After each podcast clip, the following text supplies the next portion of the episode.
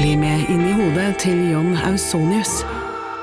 Bedre kjent som Lasermannen. Han nøt å se seg selv på nyhetene, men han var ikke fornøyd. Han skulle jo drepe. Det samme året skulle han skyte to mennesker til, før han omsider oppnådde målet om å drepe. Hør på innsiden av Psykohoder med Jonas Alf Oftebro og rettspsykolog Susanne Nordby Johansen. Gratis der du hører podkast. Er det trygt å spise GMO-mat, eller skal du holde deg langt unna? Eh, molekylærbiolog Sigrid Bratli er tilbake i podden, og hun har sittet i genteknologiutvalget, som nylig nå har levert sin rapport til eh, regjeringa. Og det er en rapport med forslag til endringer i genteknologiloven. Eh, flertallet i utvalget her, inkludert Sigrid, mener at, eh, at dagens regelverk er for strengt. da. Og I tillegg til rapporten så snakker vi om hva GMO eh, er for noe, hva som skiller GMO fra CRISPR, altså denne revolusjonerende genteknologien. eh, På hvilken måte GMO kan redde verden, han har sagt, eller i hvert fall eh, løse noen av verdens eh, utfordringer. GMO i Norge versus eh, resten av verden, ja, er det egentlig trygt, og hvordan har diskursen endra seg? Men det er utrolig viktig å huske på at det man egentlig gjør, da, det er eh, å oversette biologisk kunnskap direkte til nytte. Dekodet. Jeg tenkte vi kunne starte med genteknologiutvalget, for der har du vært med, ikke sant? Ja. Genteknologiutvalget, vi er eh, vi, Eller vi har vært en, en samling på tolv personer som eh, gjennom to og et halvt år har på oppdrag fra regjeringen utredet området genteknologi.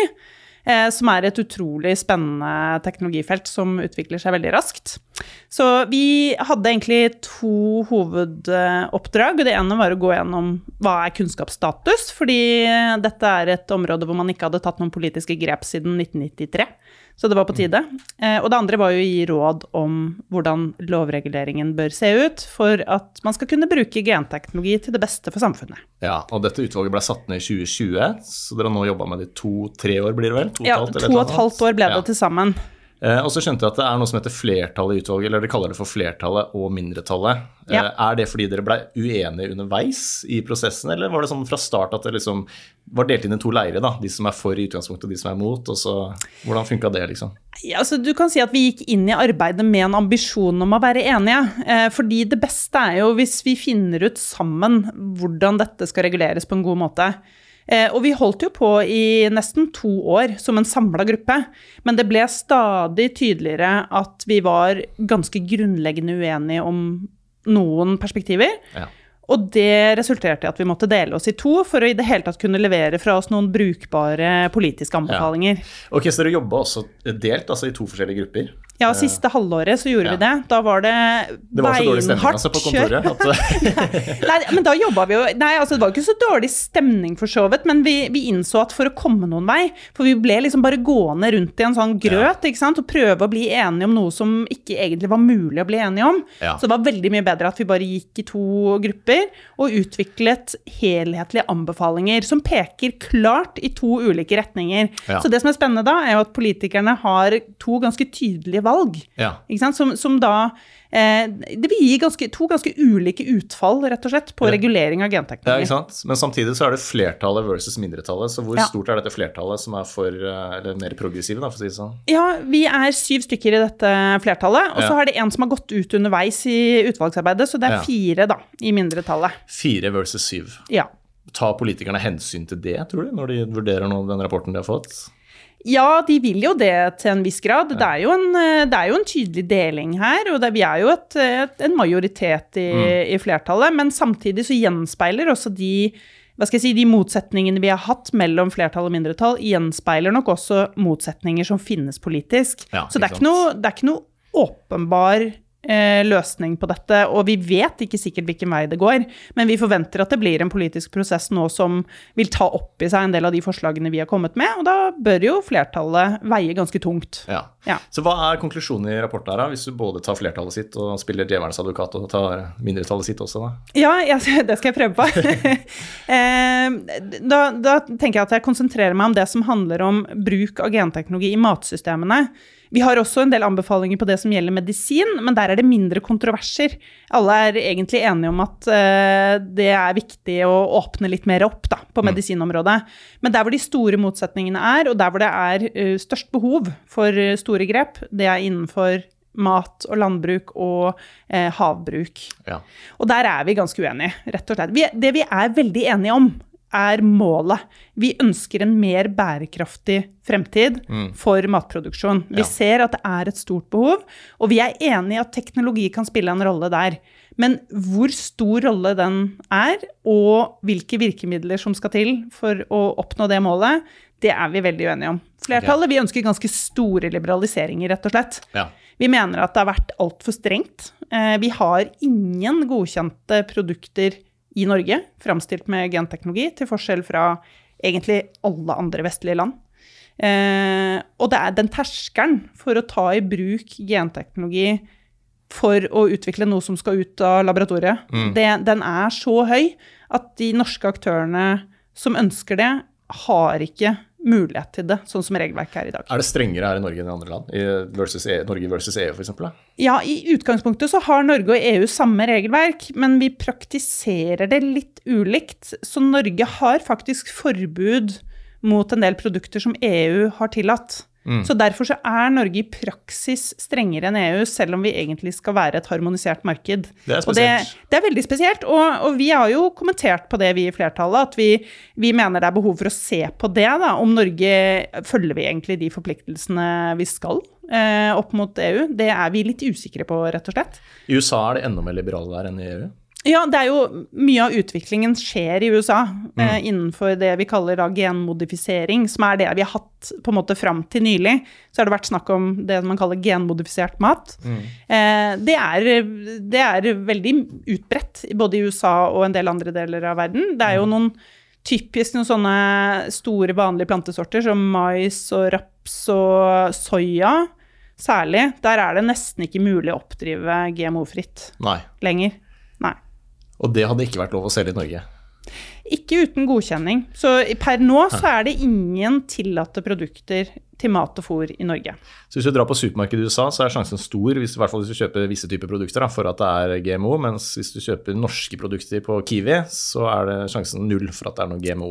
Ja, den er ikke helt null, fordi det er, det er, alltid, det er aldri liksom helt noen garantier. Så de har noen sånne, her de har noen sånne sporgrenser og sånn. Ja. Så det kan være noe, og det hender jo det dukker opp et og annet produkt som viser seg at det var noe i ved kontroll, men det er stort sett fritt for GMO.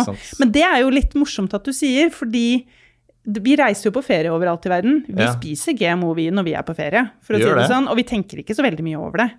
Nei, Og det er jo ikke noe, det er jo ikke noe farlig, for å si det sånn. Det er jo godkjent. Nei, men la oss ta det, da. fordi Ja. eh, hvorfor har GMO så dårlig rykte? Man tenker jo fisk med ja. tre øyne med en gang. Eh, dessverre så har diskursen rundt GMO vært preget veldig av sånn type skremselspropaganda. Du kan si, jeg, jeg kan egentlig starte med å si at det er noen eh, aspekter ved GMO som er legitime innvendinger. All teknologi kan brukes til ting som ikke nødvendigvis er bra for samfunnet eller for eh, bærekraften til kloden vår. Og du kan si at patentsystemet, sånn som det har vært på GMO, hvor det har vært veldig snevert eierskap og vanskelig å få tilgang, det, det kan være f.eks. legitime innvendinger, som mange har.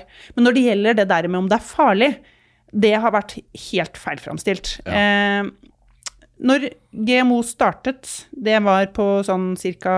1980-tallet, da var det jo litt usikkerhet om, om risikoaspektene. Så da var det kanskje grunn til å være litt forsiktig. Men nå har vi holdt på med den teknologien, altså vi i verden har holdt på med den teknologien i 40 år. Og det er svært utbredt i mange deler av verden. Og det har vært gjort tusenvis av risikovurderinger av disse som er da godkjent. Det er ikke funnet noen plausibel risiko, verken for helse eller miljø. Nei. Nei. Dette minner meg litt om kjernekraftdebatten, men det er en annen podkast Ja, det er veldig likt. Det er, Ja, det det er er det. utrolig mange likheter mellom de to. Og ikke bare det at eh, retorikken rundt det med risiko er ganske lik, men det er også noe med at Vi har faktisk eh, også vedtatt politikk i Norge som er mot. Ja. Den offisielle norske politikken er mot GMO, og den er mot Det er bare kjernekraft. standpunkter vi har satt, liksom. Ja, vi har bestemt oss for det. Så hvis du går på regjeringens hjemmesider, så står det der at vi har en restriktiv GMO-politikk fordi Ja. vi skal opprettholde et høyt beskyttelsesnivå. Et slags sånn føre-var-prinsipp, da. på Ja, og, men, men føre-var-prinsippet er ikke et dumt prinsipp eh, hvis, vi, hvis det er reell kunnskapsmangel, for det er det det handler om. Mm. Når det er noe vi ikke vet utfallet av, så skal vi være forsiktige. Det er det det egentlig sier. Men det har jo blitt strukket så langt at man ikke stoler på noen kunnskap, nesten. Og særlig da på GMO-området. Så, så er det stadig sånn at det overprøves politisk, det som er den faglige konsens konsensusen. Skjønner. Ok, så vi kjører en veldig restriktiv uh, politikk på det her. Uh, mange tror forbinder GMO med altså det er noen sånne negative konnotasjoner, det er noe farlig. Eh, men det viser, forskningen viser at det er ikke farlig. Så hva, kan vi ta definisjonen på hva, eller hvordan det funker? da? Hvordan, eh, hva er GMO? Ikke sant? Du tar et gen fra en organisme og putter det inn i en annen organisme. Det er den klassiske måten å gjøre det på, eller? Ja, det var, det var fordi at det var det verktøyene, de molekylære verktøyene tillot oss i starten. Det var egentlig litt sånn grovkalibret. ikke sant? Man klippet ut en bit med DNA, og så satte man den inn i en annen celle. Så det var der på en måte GMO startet. da. Så det er jo det vi kjenner eh, de GMO-produktene som er utviklet. Det er sånne hvor du har tatt gjerne et gen fra en bakterie og satt inn i en plante for å gi den en ny egenskap. Det kan være insektresistens, eller at den er mer tolerant for sprøytemidler. Det er jo de vanligste, da. Men det finnes andre eksempler også på sånne klassiske GMO-er, som er noe helt annet. Eh, Papaya, som er eh, motstandsdyktig mot virussykdom, som har da egentlig reddet papayaproduksjonen i noen av eh, noen lavinntektsland. Mm. Vi har golden rice, den har kanskje noen hørt om. Det er en ris som er blitt tilsatt vitamin A, fordi det er vitamin A-mangel mange steder i verden som gjør at barn blir blinde. Så da kan man berike risen med det. Ja, Men da tar man ikke et gen fra en organisme og inn i risen? Da, jo. du gjør det, ja. Ja. Så det er på samme måte. Ja da, du putter et gen. Ja. Da setter du inn da Fordi ris lager vanligvis ikke så veldig mye det, Altså beta-karoten, som egentlig er opphavet til A-vitamin. Så du har tatt det fra Jeg husker ikke, det er en annen plante. Om det er Jeg tror ikke det er gulrot, men det er det samme som du får i gulrot, at den blir sånn gul. Ikke sant? Det er jo fargen av beta-karoten, så du har satt det inn i ris. Fordi ris er noe de spiser veldig mye. Ja, ikke sant. Eh, Så det, okay, så det er den klassiske måten å gjøre det på. Eh, og så har du CRISPR, som vi snakka litt om sist, men da må vi ta en liten recap. Ja. Uh, for CRISPR er jo fantastisk, men hva i all verden er det? Oh, CRISPR, ja. Det er, for de som ikke enda vet hva det er, så Det er står- det bare altså å det- lære seg det Ja. med en gang. Husker du hva det står for? For det leste jeg, så det er jo helt sjukt Eh, clustered regularly interspaced short palindromic repeats. Vi går for CRISPR. Vi går for CRISPR. Vi går for den korte CRISPR. Ja, altså det er jo egentlig et uh, immunforsvar i bakterier. Der, er, eh, de, de lærer seg å kjenne igjen virus som de har blitt smittet av, og så kan de klippe i stykker virusets arvestoff hvis de møter på det igjen. Men det er jo egentlig da en slags gensaks Ja. som de bruker. Og det var det noen forskere som skjønte at vi kan bruke som en slags universal gensaks Mm. på alt DNA eh, i alt som lever. ja. Og da har man jo nå da jobbet eh, og tilpasset det verktøyet, sånn at det i praksis er Jeg vil kalle det et programmeringsverktøy. Fordi eh, gener er kode. Eh, det er en biologisk kode som du da kan skrive om ved hjelp av CRISPR. Du kan legge til, fjerne eh, eh, eller bytte ut bokstaver i dette genetiske alfabetet sånn som man vil, der man vil. Så forskjellen eh, på CRISPR og den klassiske GMO-en er at her kan man gå mer presis til verks, da. Ja, det er både det at du kan gjøre det mer presist, for du vet akkurat hvor, men du har også et mye større mulighetsrom, for du, du setter ikke bare inn gener. Det kan man jo også gjøre. Du kan redigere på Du, eksisterende du gener kan og flytte ta på én, baser ta én base Ja. ikke sant? og bytte den ut. Stilig. Ja, så du, det finnes jo en del sånne arvelige sykdommer blant annet, som skyldes at det er skrivefeil i én base. Ja. Det kan du rette opp med CRISPR. Det kunne du ikke med GMO. Nei, Nei.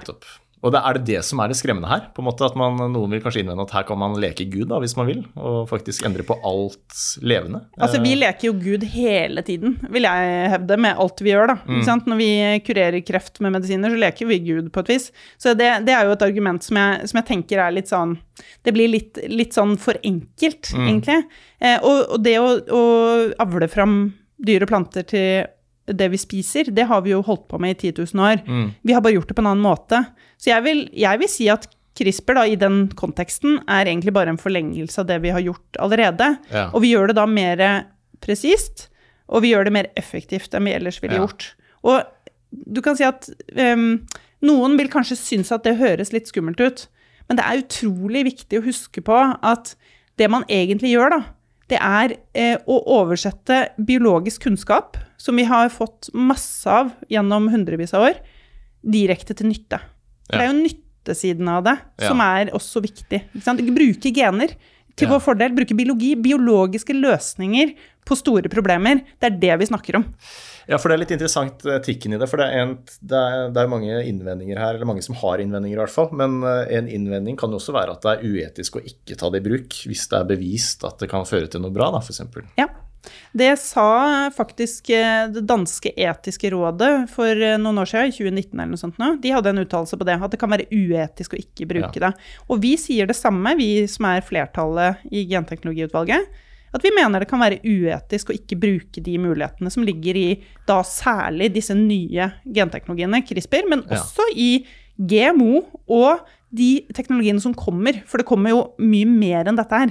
Da snakker vi sånn syntetisk biologi, som Ja. er å egentlig rett og slett programmere, altså du designer gener Ja, som gjør sant. ulike funksjoner. Yes. Og det ligger så store muligheter i det. Vi skal selvfølgelig være forsiktige, vi skal ikke gjøre noe som vi ikke føler oss rimelig trygge på at går bra, men vi skal i hvert fall ikke sette noen absolutt stopper, sånn som det er i dag. Hvilke utfordringer er det man kan tenke seg kan løses med GMO og CRISPR her, da? I framtiden? Altså, hvor skal man begynne? Ja, Klimasult, tenker jeg. Absolutt. Og det handler jo ikke egentlig om CRISPR, det handler om genetikk. Det å løse problemer med genetikk, det har vi alltid gjort. Eh, nå kan vi gjøre det mer effektivt. Så eh, la meg ta et litt sånn eh, Et eksempel som virkelig viser potensialet i det.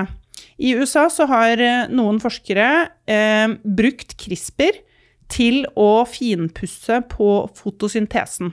Og Oi. hvis du husker biologitimene fra Ja. skolen, gjør du det? Jeg gjør faktisk det, for jeg var veldig interessert. Ja, så fotosyntesen, det vet du sånn cirka Ja, det vet jeg hva er. Vet, du vet også hvor viktig den er. For det er det vi lever av. Ja. Alle lever av Grunnlaget fotosyntesen. liv, det er når planter tar eh, karbondioksid eh, og fikserer det ved hjelp av sollys til plantestoff. Det er det vi spiser, da, og dyrene våre spiser. Sukker og oksygen. Ja, ikke sant? Så det er, det er livets grunnlag. Eh, den prosessen har jo utviklet seg over milliarder av år. Den er allikevel ikke helt effektiv.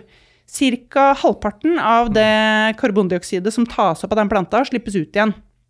Fordi den, den klarer ikke å effektivt fiksere alt sammen. Ved hjelp av CRISPR kan man lage en sånn switch, på en måte en sånn molekylær genetisk switch, så du får fiksert alt sammen.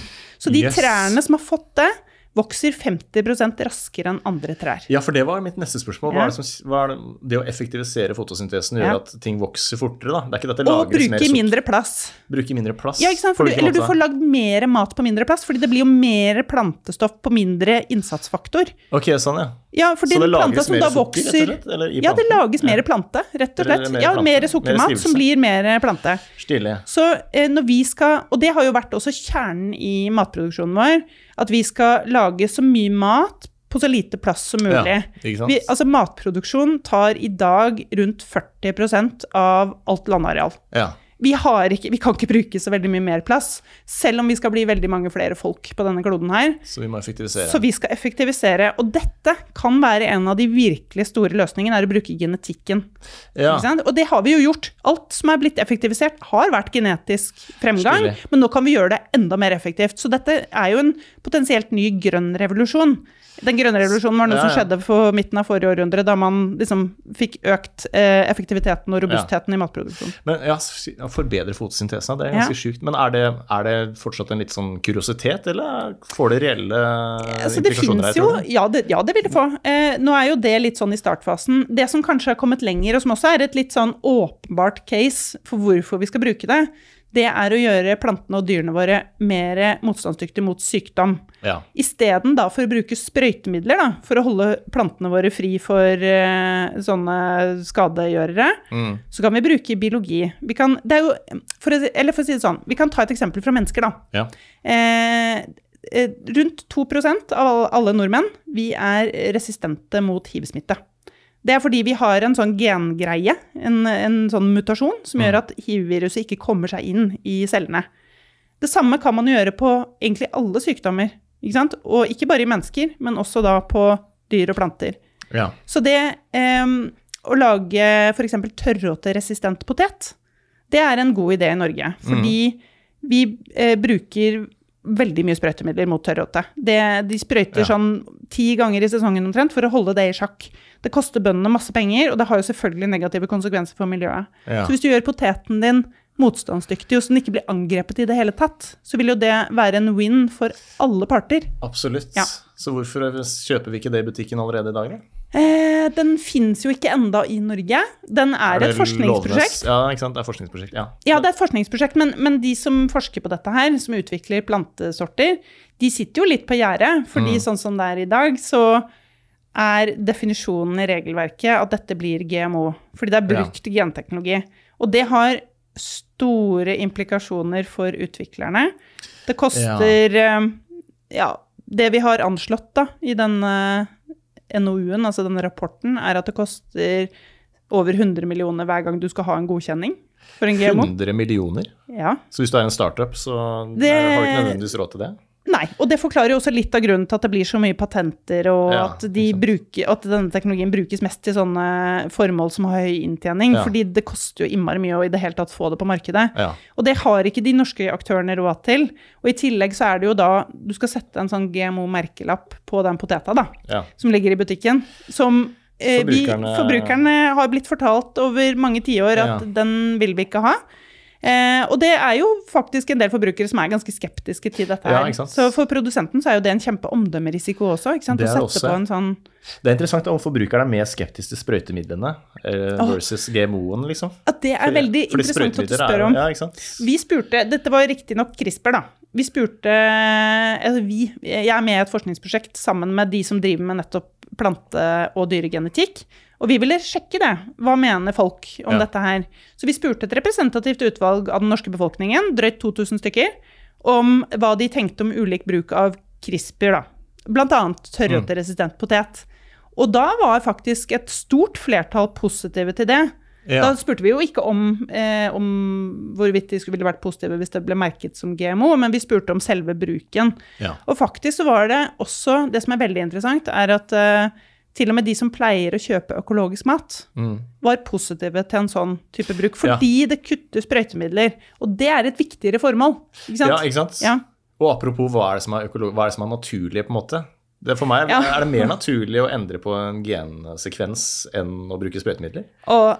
Men nå setter du meg i gang på sånn greie, Ja. fordi naturlighet og gener, Ja. det er så mange ting folk ikke vet. Ja, du, men da kan vi ikke ta det, da? Fordi det er, det er også lest som en innvending at noen mener at eh, det naturlige har en egenverdi. Ikke sant? Hvis du er kristen, for eksempel, eller er religiøs, og sånn, så er det, naturlige i seg selv har en verdi. Men hva er det som egentlig er Altså, naturlig? vi da? Vi har jo hadde jo- fram tomater og alt det greiene der, har vi ikke det? Ja, definitivt. Men, men GMO, altså det at vi får gener fra andre arter, det er jo noe av det mest naturlige som finnes. Det er grunnlaget for hele livets eksistens. Altså hadde ikke vi hatt eh, Vi har ca. 8% av vårt DNA, mennesker, er virus-DNA. Hadde vi ikke fått det inn i vårt eget DNA, så hadde vi ikke eksistert, fordi det bl.a. er viktig for fosterutviklingen. Kua, den som går rundt på eh, alle engene som vi kjenner her i Norge? Ja. Cirka en fjerdedel av kuas DNA er hoppende gener som kommer antagelig fra flått. Oi, Ja. Som ble er mye. Eller, ja, det kommer fra reptiler, men overført via flått. En Yes. gang for da mange, mange og, Altså veldig langt tilbake i den liksom, en utviklingstreet. fjerdedel? En fjerdedel, ja. Damn. Og vi har også masse sånne hoppende gener som kommer fra andre arter. Ja. Og det kom en, en ny artikkel nå for noen uker siden som viste at uh, det at vi kan se syn, det var at det hoppet inn et gen fra en Ja. bakterie eller noe sånt noe. Så GMO, det er, uh, det er helt naturlig. Om, omtrent eh, 5% av eh, plantesorter, eh, bl.a. peanøtter og bananer og, og sånn som vi spiser, har helt naturlig fått de samme bakteriegenene som man bruker i GMO som er kunstig fremstilt. Så det vi gjør når vi eh, benytter oss av GMO og CRISPR, det skjer naturlig i naturen uansett. Det skjer... Forskjellen er bare at vi gjør det med intensjon. Ja, det er forskjellen. Men jeg vil jo da hevde at gener og genteknologi egentlig lar oss nettopp bruke naturens løsninger. Ja. Ikke sant? Vi spiller mer på lag med naturen når vi bruker genetikk og biologi, enn når vi bruker f.eks. kjemi, sprøytemidler, antibiotika, eh, kunstgjødsel. Ja. Vi kan bruke de biologiske løsningene isteden. Interessant. Ja. Hva, hvordan er diskursen akkurat nå rundt det her? Sånn, eh, det er fagmiljøet er én ting, ikke sant? politikere er én ting, og så er det folket. da. Som, hva, hva, med, hva er ditt inntrykk? Mitt inntrykk er at de aller fleste er veldig nysgjerrig på dette, eh, og er veldig mottagelige for eh, kunnskap. Um, og vi, vi har jo ikke hva skal jeg si, noe eksakte tall, men det var en, bl.a. på NRK P2 så var det et program nå forleden, eh, forrige uke eller noe sånt, nå, som hadde en sånn uhøytidelig meningsmåling blant sine lyttere, hvor de ble spurt om ja, vil dere ha på en måte genteknologi eller ikke. Og da tilbakemeldingen er at det var et stort flertall som var positive til det. Ja. Så jeg tror det, at det er eh, både forståelse for og ønske om bruk av genteknologi også i en norsk kontekst. Og så er det noen som er ganske prinsipielt imot, og som Ja. Er ganske, har ganske sterk stemme. Velkommen til Kjemperådet! Denne gangen har vi fått inn et kjempedilemma fra en familie. Okay. Jeg leser Hei, vi er litt uenige i familien her.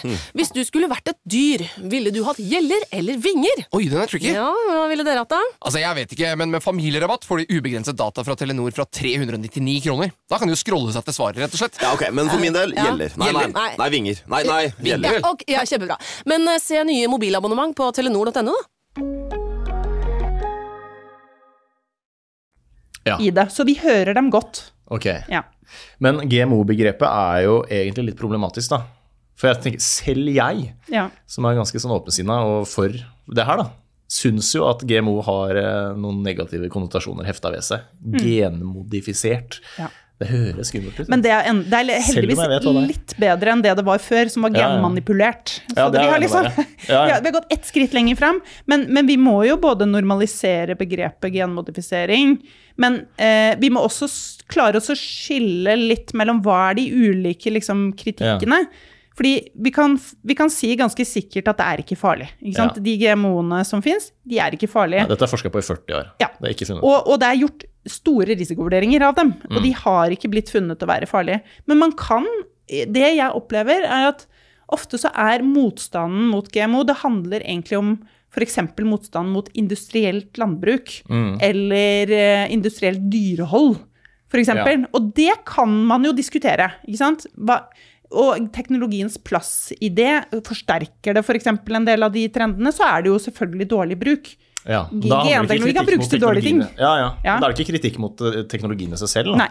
Det er på en måte Det er det vi må skille mellom. Ja, på en måte. Hvem som bruker den, og til hva, eh, det er kjempeviktig. Det er ikke for og mot en teknologi. Det blir feil spørsmål, rett og slett. Men jeg hørte, jeg lurer på om det var Abels tårn, eller jeg hørte deg i en podkast hvor du argumenterte for at man burde Hva var det du sa igjen? At man burde, vi burde kvitte oss med begrep, begrepet GMO, eller erstatte det med et annet begrep?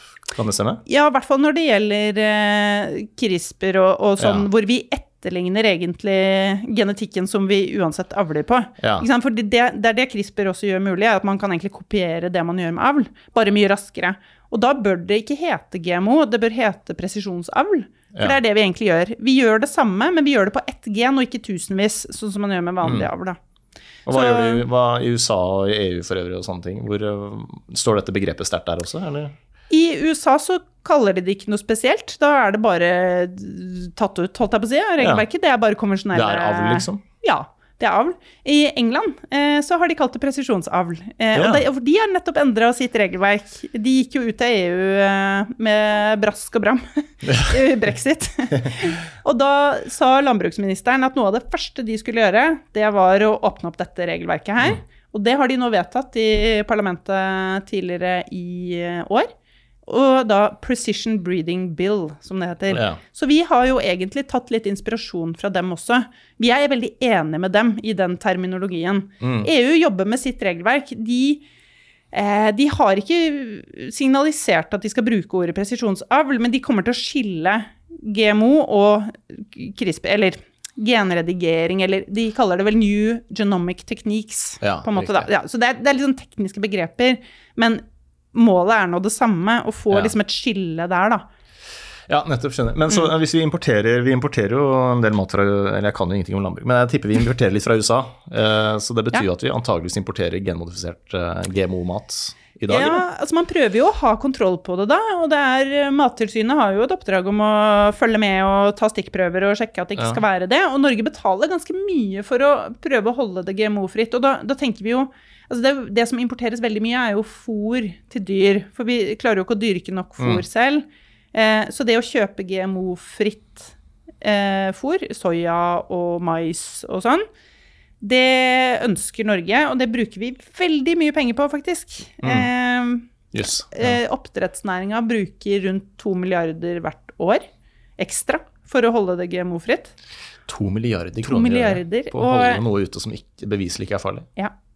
Og landbruket så er det rundt 300 millioner i året for GMO-fri soya.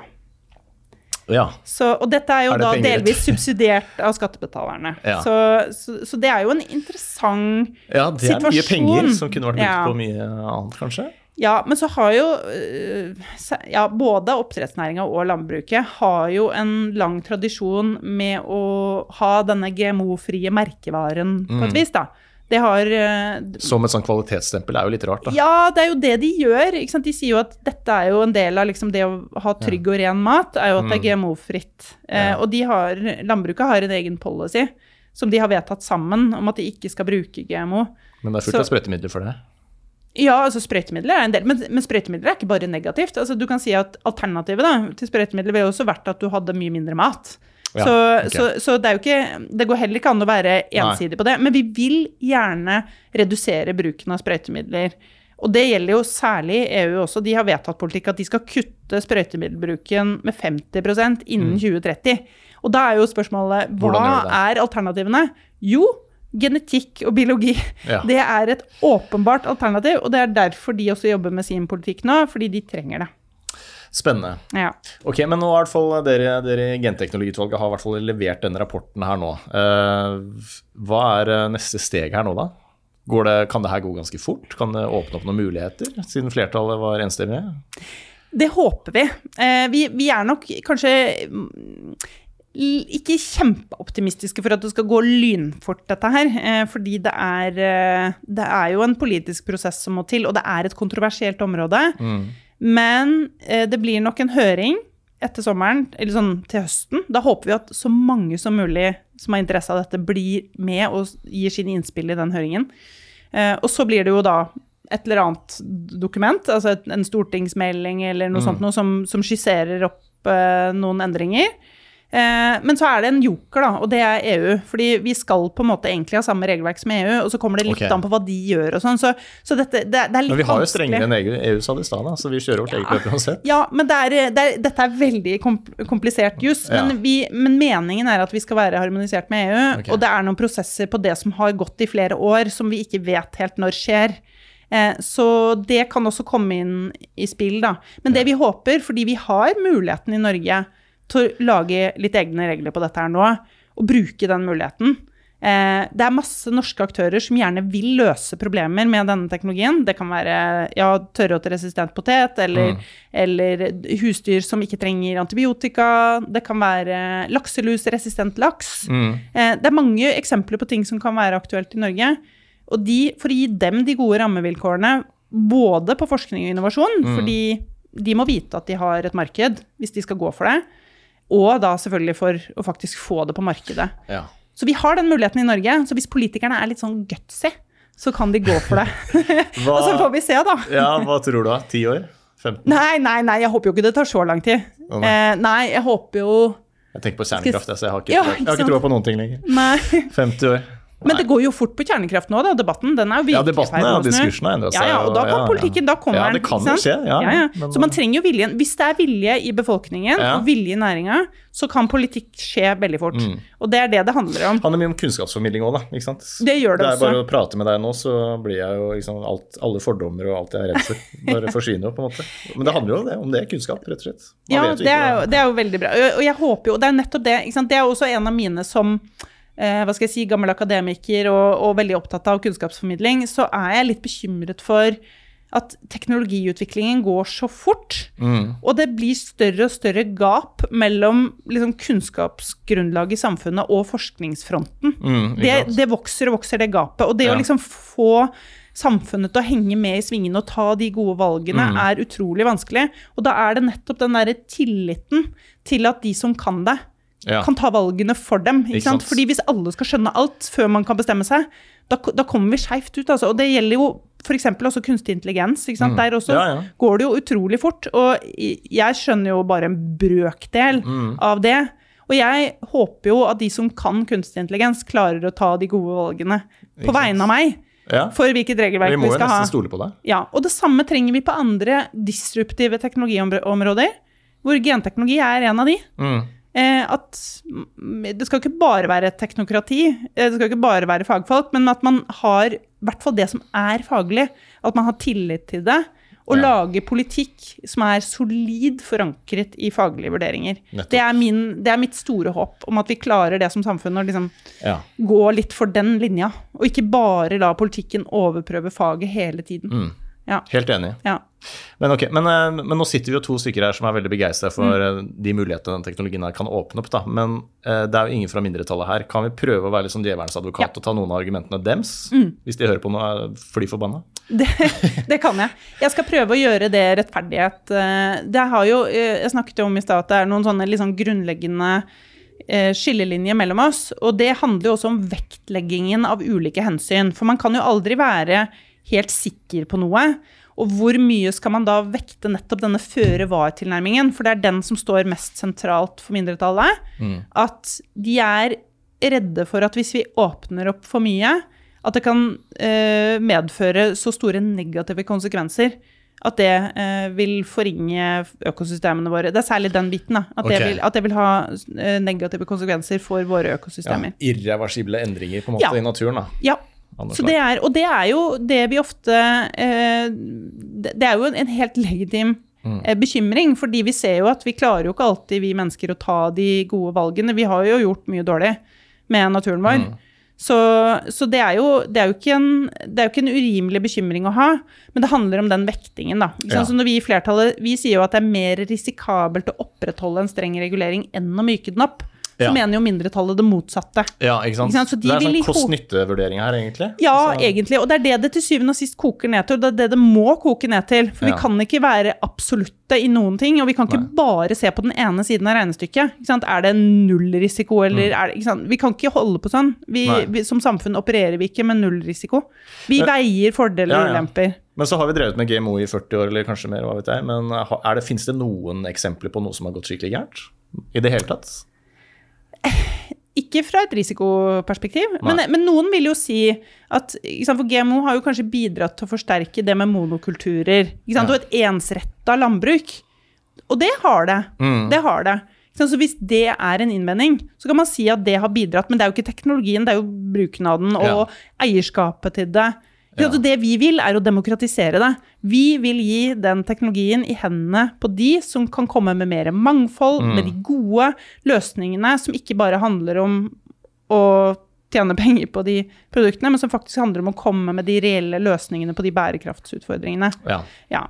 Så, ja, men så mindretallet er jo eh, De vil i hovedsak på en måte videreføre det regelverket vi har, og den politikken vi har, med noen liksom tilpasninger for å nyansere det litt, da. Men, men i hovedtrekk så beholder de det vi vil ha, inkludert da Ja. GMO-merking og definisjon av CRISPR. Da. Ja, ikke sant. Ja. Kanskje noen litt sånn underbevisst egentlig er redd for hvor dette kan ende. Ja. Fordi mat er jo veldig trygt. Det er sånn tomater og det er mais og liksom sånn. Men hvis man snakker om design, designe mennesker da, på sikt, perfekte mennesker Hvis man går helt sci-fi da, om 100 år, Mm. kanskje det, det ligger sånn der under der, kanskje? Og det er en kjempespennende debatt i seg selv. Ja. Eh, og du kan si, jeg tror jo at innen ikke veldig mange år så vil noen ha Eller noen har jo allerede brukt CRISPR til å lage noen arvelige endringer i noen barn. Eh, jeg, vi diskuterte sikkert det sist med han kinesiske forskeren Ja, som hadde gjør, noen tvillingjenter. Ja, ja. Det var en one-off. Men dette kommer til å brukes mer utbredt innenfor en tidsramme på jeg spår ti år, kanskje. Men det er ikke designerbarn vi snakker om da, i utgangspunktet. Det er sykdom og det å Ja. gi bedre liv. Og så vet vi jo ikke helt hvor den utviklingen går. Jeg tror den designerbabyen er ganske langt unna, bare sånn rent eh, hva skal jeg si, teknisk, fordi det er så, ofte så veldig mange gener involvert i sånne komplekse egenskaper. Jeg skal ikke utelukke at Nei. det kanskje noen vil bruke det til noe som samfunnet vil synes er umoralsk, Ja. men, men det er ikke der det store Nei. gjennombruddene kommer. Det er på å forebygge sykdom. Det er forebygge Ja. Sykdom. Og også utvikle mat som er resistent mot uh, Helt klart. Ja. Og uansett hva man syns om disse teknologiene, så er det helt klart at vi står ved et sånt vendepunkt i, når det gjelder bioteknologi, da, og særlig genteknologi, men også med andre bioteknologier. Det kommer til å snu opp ned på ganske mange av de forestillingene vi har om hva som er mulig Mm. Innenfor biologi. Vi, eh, og, og sånn, bare sammensmeltningen av bioteknologi og kunstig intelligens, Ja. der kommer det til å skje så mye. Nå ja, shit. Ja, det er spennende. ja, det, det kom en forskningsartikkel nå for uh, noen måneder siden hvor uh, man hadde da Fordi altså, genetikk er jo egentlig språk. Og det er språk vi ikke helt skjønner grammatikken i. Og det er der så, de språkmodellene ja, de er finnes- veldig gode. Ja, det er sant. ja, ja. Her er- Så det finnes jo en sånn språkmodell, en chat-GPT for biologi, eller for genetikk, da. Spennende. Så de kjørte inn eh, rundt 300 millioner gensekvenser fra ulike arter, og så sa de vi trenger et enzym som gjør sånn, fordi altså, gener er jo oppskriften på enzymer og proteiner og sånn. Eh, og det lagde den. Så da spytta han ut en sekvens i andre enden som var eh, Den var bare 30% lik liksom, de naturlige Ja. variantene, men den var like bra. Å gjøre oppgaven Det er sin. så sjukt, det. Det her kommer til å åpne opp noen spennende muligheter. Ja, For det, det- man ikke visste, var at altså, KI er jo Eller de chat-GPT eh, Hva heter det? Ja, Chat-GPT er veldig overraskende god til kode, da. Ja. Mm.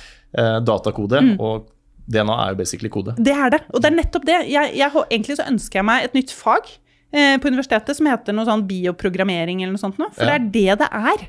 Hvis du skal drive med genetikk på dette, Mm. på dette planet, ikke bare studere det, men faktisk bruke det og, og designe genetikk, så er det jo programmering. Mm. Det er Det er det, ja. biologisk programmering. Vi trenger sånne bioprogrammerere som Ja, ja. vet hva de driver med, og som vil gjøre noe bra med det. Ny linje på NTNU. Ja, Ja, det syns jeg. Shit, det her er spennende. Nå må jeg avslutte på den, og det er Ja. ikke fordi det, jeg går, det er rett og slett fordi det er for varmt. Ja. Altså, det, lytterne er Helt men det er helt, kokvarmt. Ja, jeg må kjøpe en airconditioner, for dette er helt badstue. Ja. Men uh, tusen takk for praten. Og hvis folk vil lese den rapporten dere har skrevet, fins den på nett? Den Ja, den ligger på regjeringens hjemmesider. Genteknologiutvalget. Den heter 'Genteknologi i en bærekraftig framtid'. Ja. Er det sånn der knusktørr-dokument på 140 sider, eller er det leselig for Eh, vanlige folk? Det er ikke bare 140, det er 561 sider. så, men, men bla opp til kapittel 10. Det er der det, Kapittel 10. det, er der det juicy Ja. stuff ligger. Last ned PDF-en, bla opp på side 10. Ja. Tusen takk, Sigrid. Veldig spennende. Tusen takk.